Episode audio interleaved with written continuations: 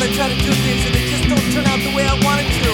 And I get real frustrated. And it's like I take my time and I try real hard. And no matter what I do, and no matter what I try, it never works out. It's like I concentrate on it real hard, but it never works out. It's like I need some time to figure these things out. But there's always someone there going, hey Mike, you know, we've been noticing you having a lot of problems you know, like talk about it, you'll feel a lot better. And I go, no, it's okay. I'm having some problems, I'll figure it out myself. Just leave me alone, I'll figure it out. And they go, why don't you talk about it, you'll feel a lot better. And I go, no, I don't want to.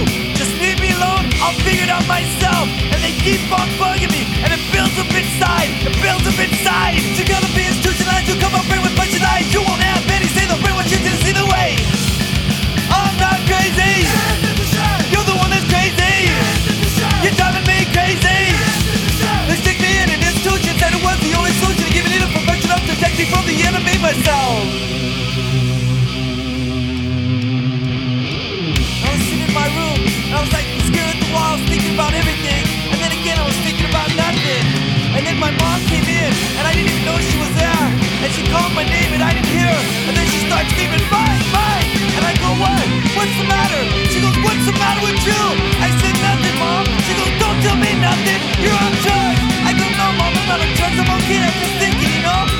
Give me a Pepsi?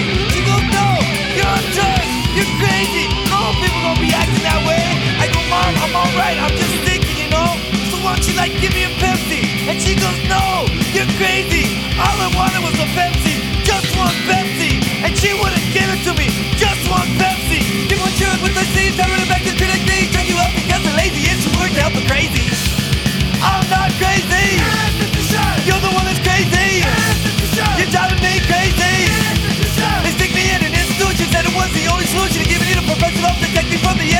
Myself.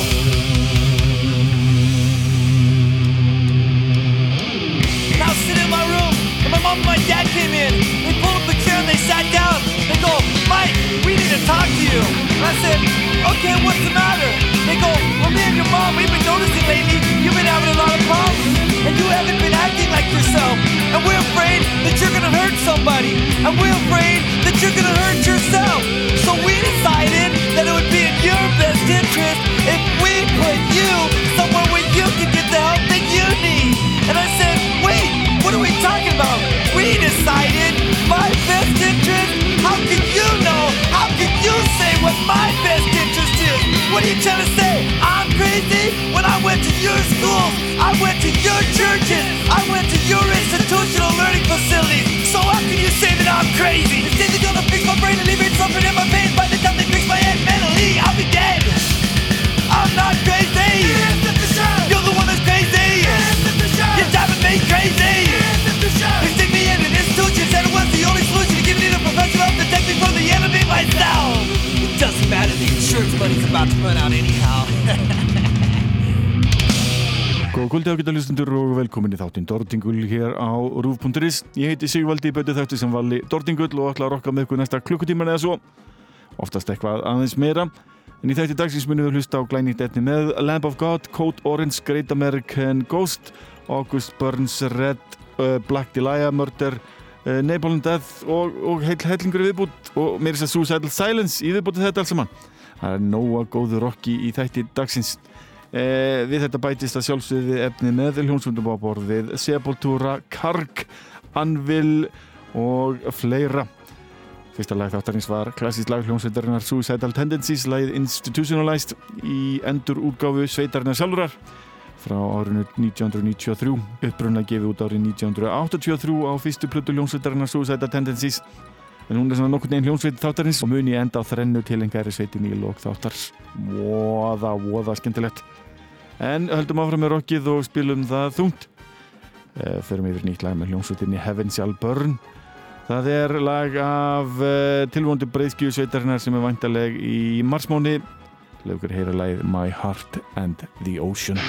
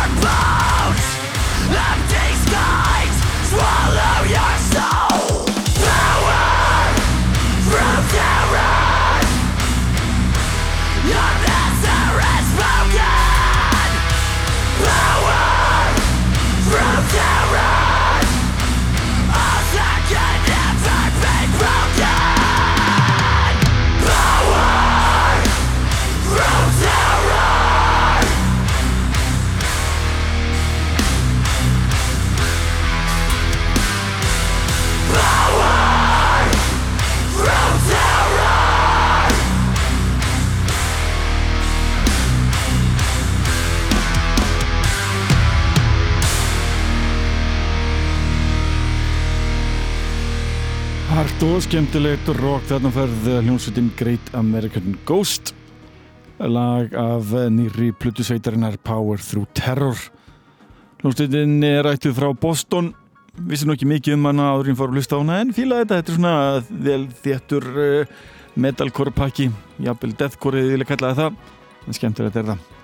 Þetta var títilag þessara nýju plutu en eina vinsaltuð þungarsveitum síðustu ára tugi ber nafnið The Lamp of God. Var gefið út uh, nýja plötu núna á næstunni. Glegur að heyra laga þessari tilvöndu plötu. Þetta er fyrsta platta sveitarinnar án Chris Adler trómuleikara komið nýri trómuleikari sem áður fyrir uh, trómaði meðal annars með uh, Megadeth ef maður rétt.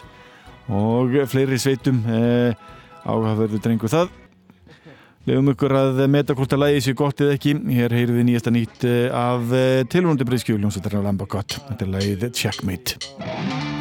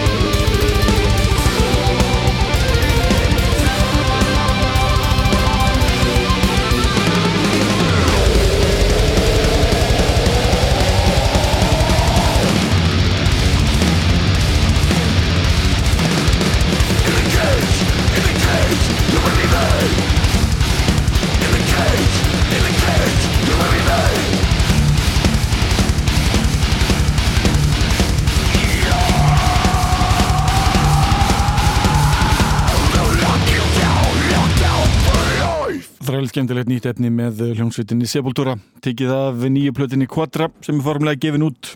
Þræl skemmtileg plata. Get lofa ykkur því að uh, þetta er plata ef þið fíli gott hungarokk og er þið ekki með þráhugi fyrir Max Cavalera þá er þetta plata sem á eftir að kveiki ykkur. Þetta var lagið Isolation. En hljómsveitinni August Burns Red er að fara að senda frá sér nýja plötu og er hún búin að gefa út lag á netinu og á iTunes og öllu þessum helstu miðlum sem hættir að kaupa eða hlusta á? Leifugur heyra nýjasta nýtt með hljómsinu August Burns Red, þetta er lagið Defender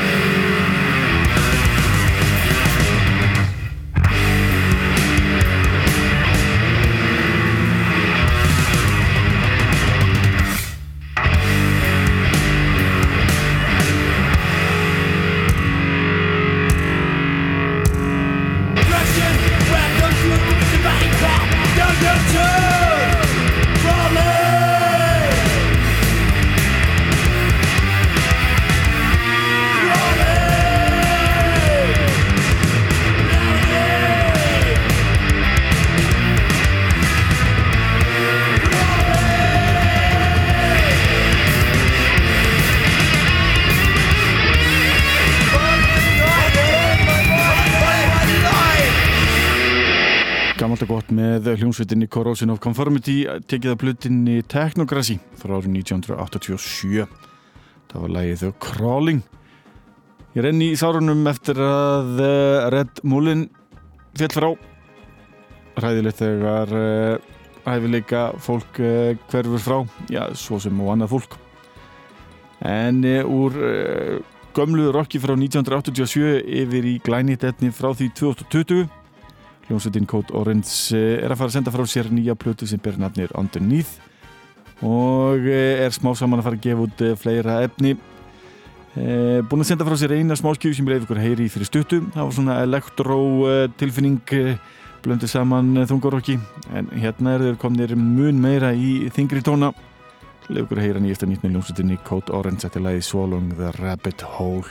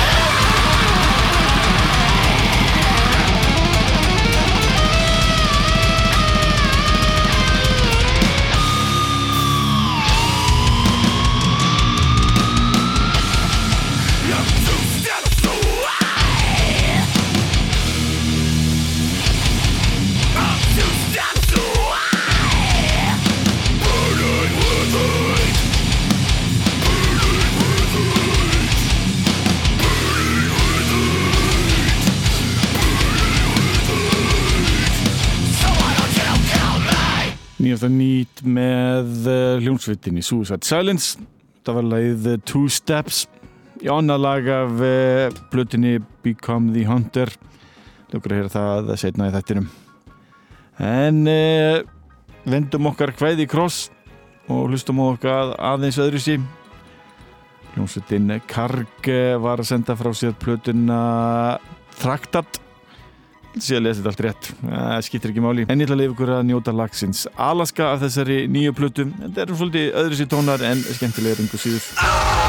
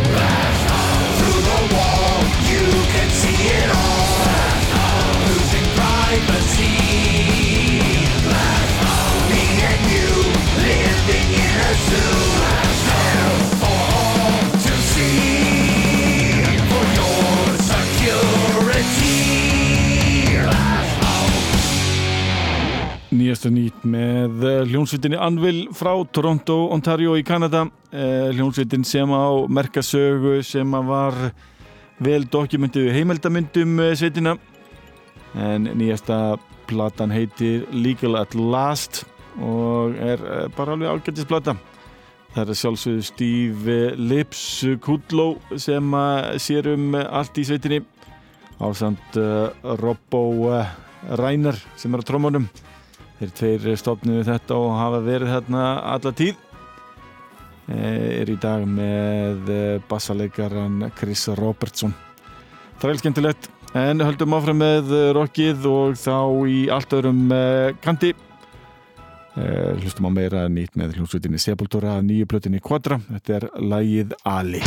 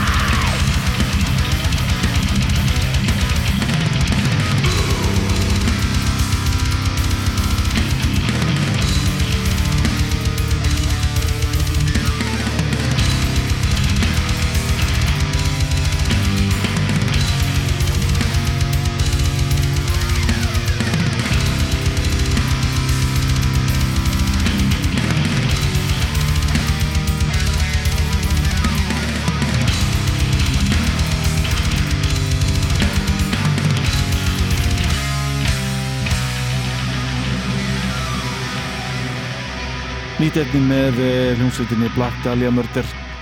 Það var eh, lag sem ber nafnið eh, Veronimus. Tekið af tilvundu plötu sveitarinnar áhugavert ljóman og samt svolítið bara rosalega kunnulega. Nó um það úr þessum Íslandsvinnum yfir í aðra. Hljómsveitin Napalm Death er að senda frá sér tvekjala plötu sem ber einfallega nafnið Logic Ravage by Brutal Force þetta er eh, títilaði sjálft. Hlustum á Maple Death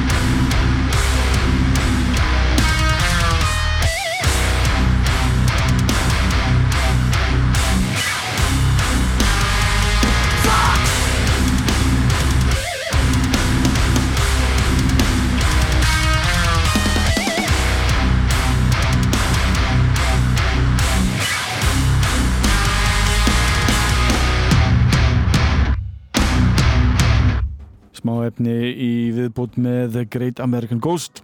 Eh, lagið Scorched Earth. Tikið af sumuplötu áðan Power Through Terror. En ég ætla að lefa ykkur að heyra eitt lag með hljómsveitinni Suicide Silence áður en ég enda þetta á þrennunni. Það er lag sem ber nafnið Feel Alive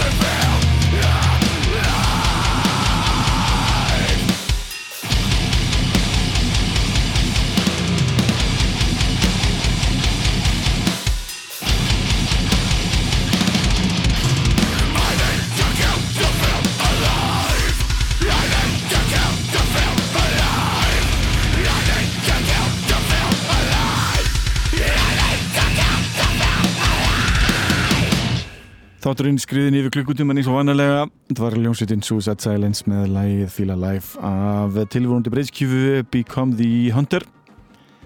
En e, í þætti kvöldsins erum við búin að hlusta Suicidal Tendencies, Heaven Shall Burn, Great American Ghost, Lamb of God Sepultura, August Burns Red, uh, Corrosion of Conformity, Code Orange, Suicide Silence, Karg, Anvil, uh, meira með Sepultura, The Black Dahlia Murder, Napalm Death og meira með Great American Ghost og svo enn meira með Suicide Silence.